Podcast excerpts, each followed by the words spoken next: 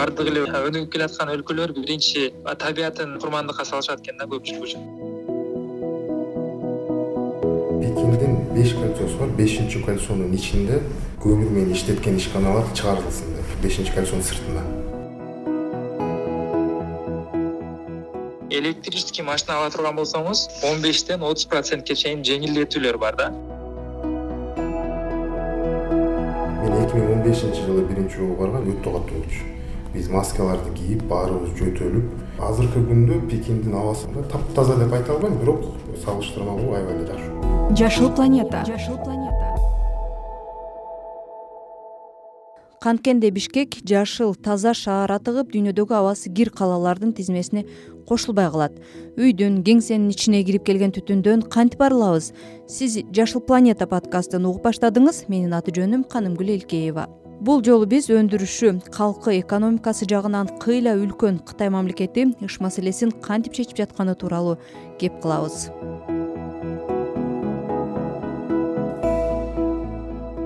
соңку жылдары бишкекте суук түшкөн сайын ыштын капташы абанын кирдегени негизги экологиялык маселеге айланды. Бул жолу шаарды каптаган түтүндөн улам эл терезесин ача албай калды.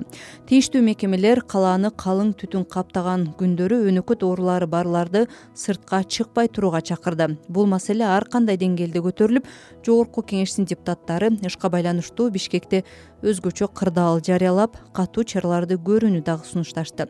Эл өкүлдөрү кытай мамлекети ыш маселесинен дээрлик арылып калганын белгилешкен. Борбор кала дүйнөдөгү абасы кир шаарлардын рейтингин чыгарган world air quality уюмунун тизмесинин сап башына көп чыкчу болду.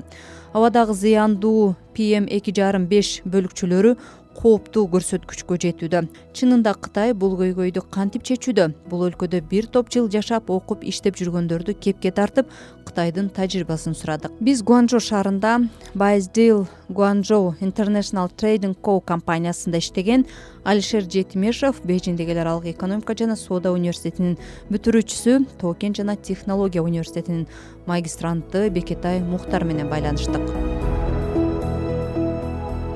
баардык эле өнүгүп келаткан өлкөлөр биринчи табиятын курмандыкка салышат экен да көпчүлүк учурдачы мына бир миң тогуз жүз жетимишинчи жылдардан баштап эки миңынчы жылга чейин аябай заводдор куруп массовый курулган дагы суулар аябай таштандыга толуп өнүгүп келаткан мамлекеттерге мындай сыпаттуу эле бир ушундай көрүнүш болгон экен да. Бирок ошондон кийин алар күрөшүү жолдорун биринчи очередте ошол заводдордун андан чыккан отходдорду көзөмөлдөө багытында аябай чоң иш жасаган да. Эгерде ыш чыгара турган ал фильтрден чыгабы таштандылар каяка төгүлөт ушул көзөмөл тарабын биринчи жакшы караган. Отходдорду кантип жакшы жерге сактап э, жаратылышка зыянын тийгизбей тургандай кылып туруш ушул боюнча дагы жакшы иштер жүргөн экен. Андан кийин ар бир производстводо отход чыгат. Ошону кайра иштетүү же болбосо башталган эле продукцияны ошол кайра иштетүүчү заводдор дагы курулган да. Кытай бай мамлекет да. Анан ошого бюджет боюнча дагы аябай бул э, колдоо аябай чоң да.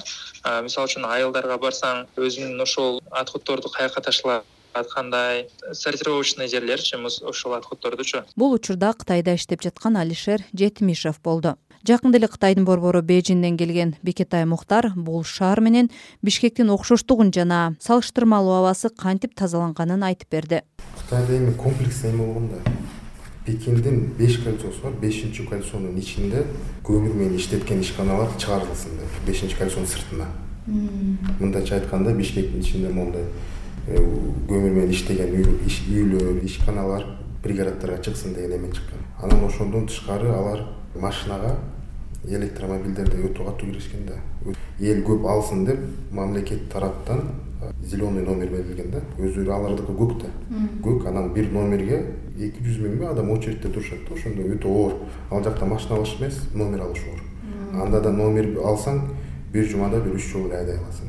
Эл на встречу келсин деп зеленый номер киргизет зеленый номер менен каалаган күнү каалаган жерлерди мине берсең болот эле. Даже шашлыктарды бешинчи кольцонун сыртында атыш керек эле шашлык анан моундай жалбырак малбырак күйгүзмөй любой түтүн чыгара турган нерсени бешинчи кольцого чыгарып салышкан.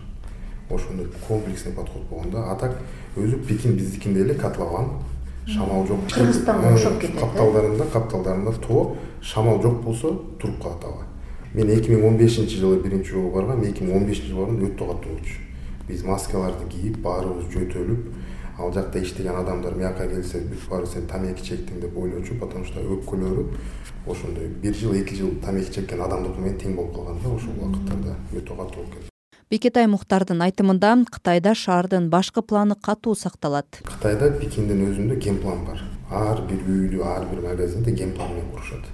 Генплан эмнеге курулат чтобы тоо жактан тиги жактан келген могу роза ветровдор шамалдар ошол смогту айдап турсун деп кадимкидей шаардын ичинде вентиляция болсун деп. Жолду тосбой э, жолду тосбой муздак аба кирип тияктан чыгып ошондой өзүнүн генпланы бар ошол генпланда э, экологиянын шамалдын бүт эмелери кызыкчылыгы алынат да жазылат. Ушул азыркы күндө пекиндин абасы таптаза деп айта албайм бирок салыштырмалуу эки миң он бешинчи жылга салыштырмалуу аябай эле жакшы болуп калган. Көк асманды көрүп калгансыз. Көк асманды уже бир жумада жок дегенде үч төрт күнгө көрөсүң да. Анан мындай эле басмы жендер болуп калбаса эле ага чейин көк асманды көрүш өтө оор болчу жазын да көрүп калчубуз соңку жылдары кыргызстанда жашыл экономика тармагында иш алып барган ишкерлердин саны өскөнү байкалууда кыргызстан акыркы жылдары экологияны жакшыртуунун бир жолу катары өлкөдө электромобилдерди көбөйтүү үчүн шарттарды түзүү аракетин көрүп келет. Электромобилдер кыргызстанда бажы салыгынан бошотулган кыргызстанга сырттан электромобиль алып келип иштеген ишкерлер соңку жылы экологияга зыяны азыраак машиналарды сатып алууну каалаган жарандардын саны көбөйүп жатканын айтып жатышат. Баасы он миң доллардан баштап жүз миң долларга чейин. Адистер электромобилдер экологиялык жактан гана эмес чөнтүккө дагы ыңгайлуу экенин белгилешет. Кытайда элди электромобилге кантип кызыктырган? Бул тууралуу алишер жетимишев айтып берди. Эгерде сиз бензин же солярка менен жүрө турган машина алган болсоңуздар он бештен отуз процентке чейин налогучу. Ошону машинанын баасынын үстүнө кошуп туруп аласыз да. Эми сиз электрический машина ала турган болсоңуз ошол эле он бештен отуз процентке чейин жеңилдетүүлөр бар да. Мамлекет өзүнүн ошол бюджеттен ар бир жаранга ошол алам дегенчи ошого автоматтык түрдө төлөп бере турган ушундай система келип түшкөн да. Ошонун негизинде азыр кайсы бир кытайдан сурасаң машина аласың деп көпчүлүгү ошо электрический машинага өтүшкөн экономикалык жактан дагы мындай финанс жагынан дагы алып аткан адамга арзан түшөт и плюс климатка дагы э, айлана чөйрөккө зыяны азыраак да. Климатты сактай турган климатка жардамы тие турган нерселерге финансын аябай жакшы беришет да. Ошону түшүнүшөт да ошол баары баягы жаратылыш менен бирге экенибиздичи кытайда жашыл номердүү машиналар алгач тест түрүндө эки миң он алтынчы жылы ири шаарлар шанхай нанкин уси циннани жана чэнжэн шаарларында бериле баштаган эки миң он жетинчи жылы бейжин баштаган кытайдын он тогуз шаарында жашыл номерлүү унааларды колдоо программасы киргизилген.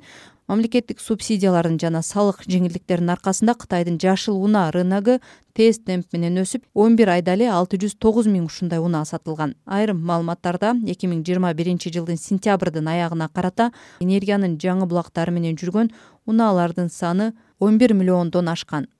Жашыл планета жашыл планета сиз жашыл планета подкастын угуп жатасыз. Менин аты жөнүм канымгүл элкеева бул жолу биз кытай мамлекети ыш маселесин кантип чечүүдө деген маселени кеп кылып жатабыз. Эл аралык басылмалардын жазганына караганда эки миң сегизинчи жылкы олимпиаданын алдында бейжиңде абанын сапатын жакшыртууда кыска мөөнөттүү болсо да олуттуу жылыштар болгон. Оюндун алдында айлана чөйрөгө зыяны жогору делген үч жүз миң унаа колдонуудан чыгарылып негизги курулуш иштери жүздөгөн заводдор жана электр станциялары токтоп калган. Бул укмуштуу да өзгөрүүлөргө алып келген. Оюндар учурунда абанын сапаты мурунку жылга салыштырмалуу отуз пайызга жакшырган. Кыска убакыттагы бул аракеттер бейжиң жана анын тегерегиндеги аймактарда жүрөк кан тамыр ооруларынан каза болгондордун саны кыскарганы байкалган. Беш жылдан кийин кытай өкмөтү абанын сапатын көзөмөлдөө жана маалыматтарды чогултуу боюнча жалпы улуттук иш чаралардын планын ишке киргизип түтүнгө согуш жарыялаган заводдор калк жашаган аймактардан алыс көчүрүлүп дыйкандарга субсидия берилген. Абанын сапатына байкоо салган станциялардын саны көбөйгөн. Финансы да аябай көп нерсени чечип коет экен да. Кытайдын башкаруу администрациясы аябай ал жерде ошо аябай мындай иргээлип келген адамдар отурат да. Аны ошол бир окуп чыкканымда мындай жазылган экен да. Биринчи маселенин ошол эмнеден чыгып атат? Ошол жерди карайлы. Ал ошол завод фабрика курулуп таштандыралары башкача мындай жакшы иштетилбей ушул жагын. Андан кийин ал жагын чечип жолго салынгандан кийин азыр болгон нерсени кантип жакшыртуу боюнча ошол бир шаарга ошол ушунча терек отургузабыз ушул жерлерин жашылдатырабыз дегенде ошол финансирование аябай күчтүү болот да. Эгерде бак отургузайлы десе мисалы үчүн бакты отургузуунун максаты эмнеде мисалы үчүн? Мындай көрктөндүрүү бергенгеби же болбосо ошол бир шаардын өзүнүн бир символдук дарагыбы же болбосо бул эң главный миссиясы абаны сордуруубу деп мындай абаны тазалап ыштарды жутуу деп анан ошонун үстүнөн бир целый университет мисалы үчүн кайсы дарак абаны мындай жакшы жакшы тазалап турат анан зыяны жок деп ошондой ошондой мындай системалуу түрдө иштейт да көп нерсечи кытайда мисалы үчүн президентибиз ошондой бир жашылдандыруу боюнча бир тапшырма берсе мисалы үчүн манас университетинин баягы биология бөлүмүнө же болбосо ушул университеттерден атайын бир топ иштесе мисалы үчүн бакты эгели макул. Кайсы бакты эксек бир аз жакшыраак болот ошол жагын дейт алишер жетимишев эки миң он беште мен келгенде аябай катуу башташкан да могу озеленение депчи. Именно аябай өтө көп курат. Кичине бош жер болсо куруп коет эле. Бирдей бирдей бирдей кылып и плюс алардын плюсу эмне болчу? Алар жөн эле бактар деп койбочу эле. Да бак болсо болду жалбырактар болсо болду деп. Сортун карайт. Бул местностька жарайбы. Бул дарактын цели эмне миссиясы эмне чаң чогултуу кир чогултуу абаны тазалатуу же көлөкө берүү салкындатуу. Ошондой. Өтө катуу кылышкан. Азыр пекин аябай эле жашыл болуп калган. Жашыл андан тышкары аларды карайт да. Кытайда по моему тазалыкка окшош эле бир служба бар эле. Суусун куят э, жаз сайын обязательно дарылоо эмелерин өткөрөт процедураларын чаңдар калып калат го жууп турчу бул бекетай мухтар болду кыргызстанда абанын булганышынан улам жыл сайын төрт миң беш миң адам. Мезгилсиз көз жумары бул каза болгондордун жылдык санынын он эки он үч пайызы түзөрү финляндиянын метеорологиялык институтунун изилдөөсүндө көрсөтүлгөн. Бишкек шаарындагы абанын булганышынын негизги булагы көмүр түтүн экени белгиленген.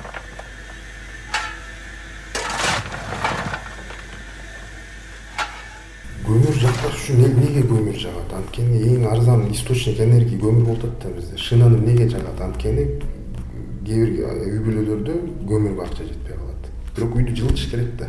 Анан жок мен экологияң деп мындай учурларда уже экология ойлонбой каласың. Үйүң муздап турганда балдарың муздап турганда экология уже экинчи үчүнчү орунга туруп калат да сенде ошондой условияларды кылып берсе менин оюмча эл эл да навстречу барат кытайда мисалы үчүн ошондой да электр энергиясы да бар газы да бар кытай өтө деле суук эмес да. Үйдө моундай бизге окшош батареялар жок аларда кээ бирлерде эле бар да могу эски үйлөрдө. А жаңы үйлөр алар могу теплый пол анан башка отоплениянын источниктери бар. Могу азыр биздин ауса курду го альтернативный могу жердин астынан ысык сууну чыгарып ошондой эмелер бар. Анан могу дубалдарды жылыта турган тоже ысык суу менен теплый теплый стены теплый потолок деген ошондой эмелер бар да?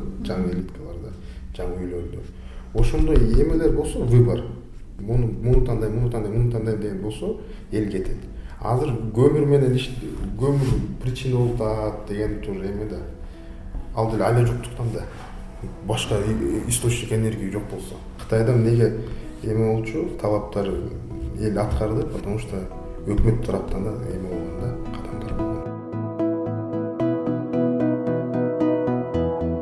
кыргызстандын министрлер кабинетинин төрагасы акылбек жапаров өткөн айда бишкектин борборуна эски автоунааларды киргизбөө керек деген республикалык кеңешмеде айткан.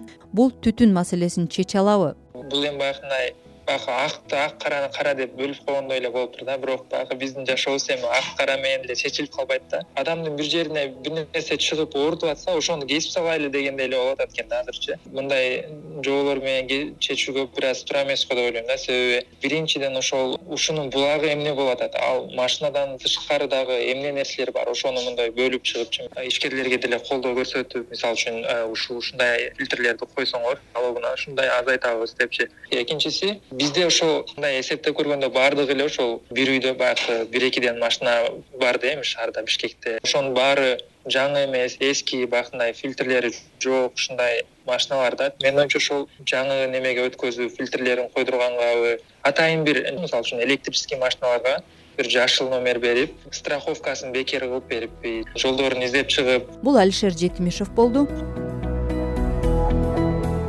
Кытайда ошондой эме бар өзү ограничение бар. Ал жакта мына биздин ноль биринчи регион бул бишкекпи пекинде деле мындай иероглиф пекиндин иероглифи менен ошолор анан кире алат деген эмеси бар. Сен могу бешинчи кольцодон кире алат кирип кетсе анан өзүнчө штрафтары бар өзүнчө оплаталары бар анан ошондой эмеси бар да ограничениясы бар. Пекинде эле жыйырма беш миллион адам жашайт. Ар биринде жок дегенде үч машинасы эки машинасы бар. Потому что биринчи күнү муну ушуну айдаш керек бул номерди айдаш керек экинчи күнү муну ушуну айдаш керек ошон үчүн эки машина жок дегенде бар да чечүүнүн бири бирок өкмөт тараптан эме болуш керек да.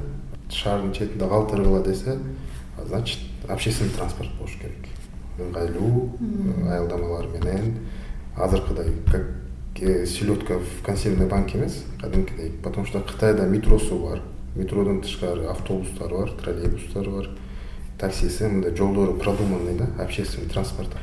Бизге андай кылалы десек бизде жолдор ичке да. Автобустар андай азыр автобуска отдельный линия берели десек башка легковой машиналар кысылып калат. Же тэцти эле көчүрүп коебуз же машинаны эле киргизбей коебуз ошондо смог кетет деген ойдо ал дагы туура эмес да. Анткени комплексно иш керек бул жака. Дейт бекетай мухтар бишкектеги ыш маселеси акыркы жылдары байма бай көтөрүлүп келет. Эки миң жыйырма экинчи жылы юнисеф бул багытта илимий изилдөө жүргүзүп ыштан аялдар менен балдардын саламаттыгы өзгөчө зыян тартып жатканын билдирген. Кытай эки миң сегиз эки миң онунчу жылдары эле ушундай кооптуу абалда болгон. Эки миң тогуз эки миң онунчу жылдары дагы мен азыр иштеп жаткан шаарында өтө бир ушундай коркунучтуу абал болгон экен да ошо бишкектегидейчи мисалы үчүн эшикке чыгып бир айланып келгенден кийин баягы бети колду жууганда ошо мурдунан баягындай ыштар чыгыпчы анан баары ошол маскада болуп азыр мына азыр жөнөкөй бир жашап аткан адам катары анчалык неме жок деп айтсам болот а кадимкидей эле аба таза да мындай аба жакшы эле андай эч мындай. Биздин жайлоодогудай асман болбосо дагы бирок э, жакшы да абадан мындай э, жыттанган ыш болгон андай азыраак деп айтсам болот. Дейт алишер жетимишов өндүрүшү чоң завод фабрикалары жайнаган кытай мамлекети ыштан толук болбосо дагы кандайдыр бир деңгээлде арылып экологиялык көйгөйлүү маселелердин бирин чечүүнүн жолун тапкандай. Сиз жашыл планета подкастын уктуңуз менин аты жөнүм канымгүл элкеева. Биз бул жолу кытай мамлекети ыш маселесин кантип чечип жатканы тууралуу кеп кылдык. Ага кытайда окуп жашап иштеп жүргөн мекендештерибиз алишер жетимишев менен бекетай мухтар катышты. Азаттык радиосунун жашыл планета түрмөгү экологиялык көйгөйлөрдү көтөрүп климаттын өзгөрүүсүнүн жашоого тийгизген таасиринен кеп салабыз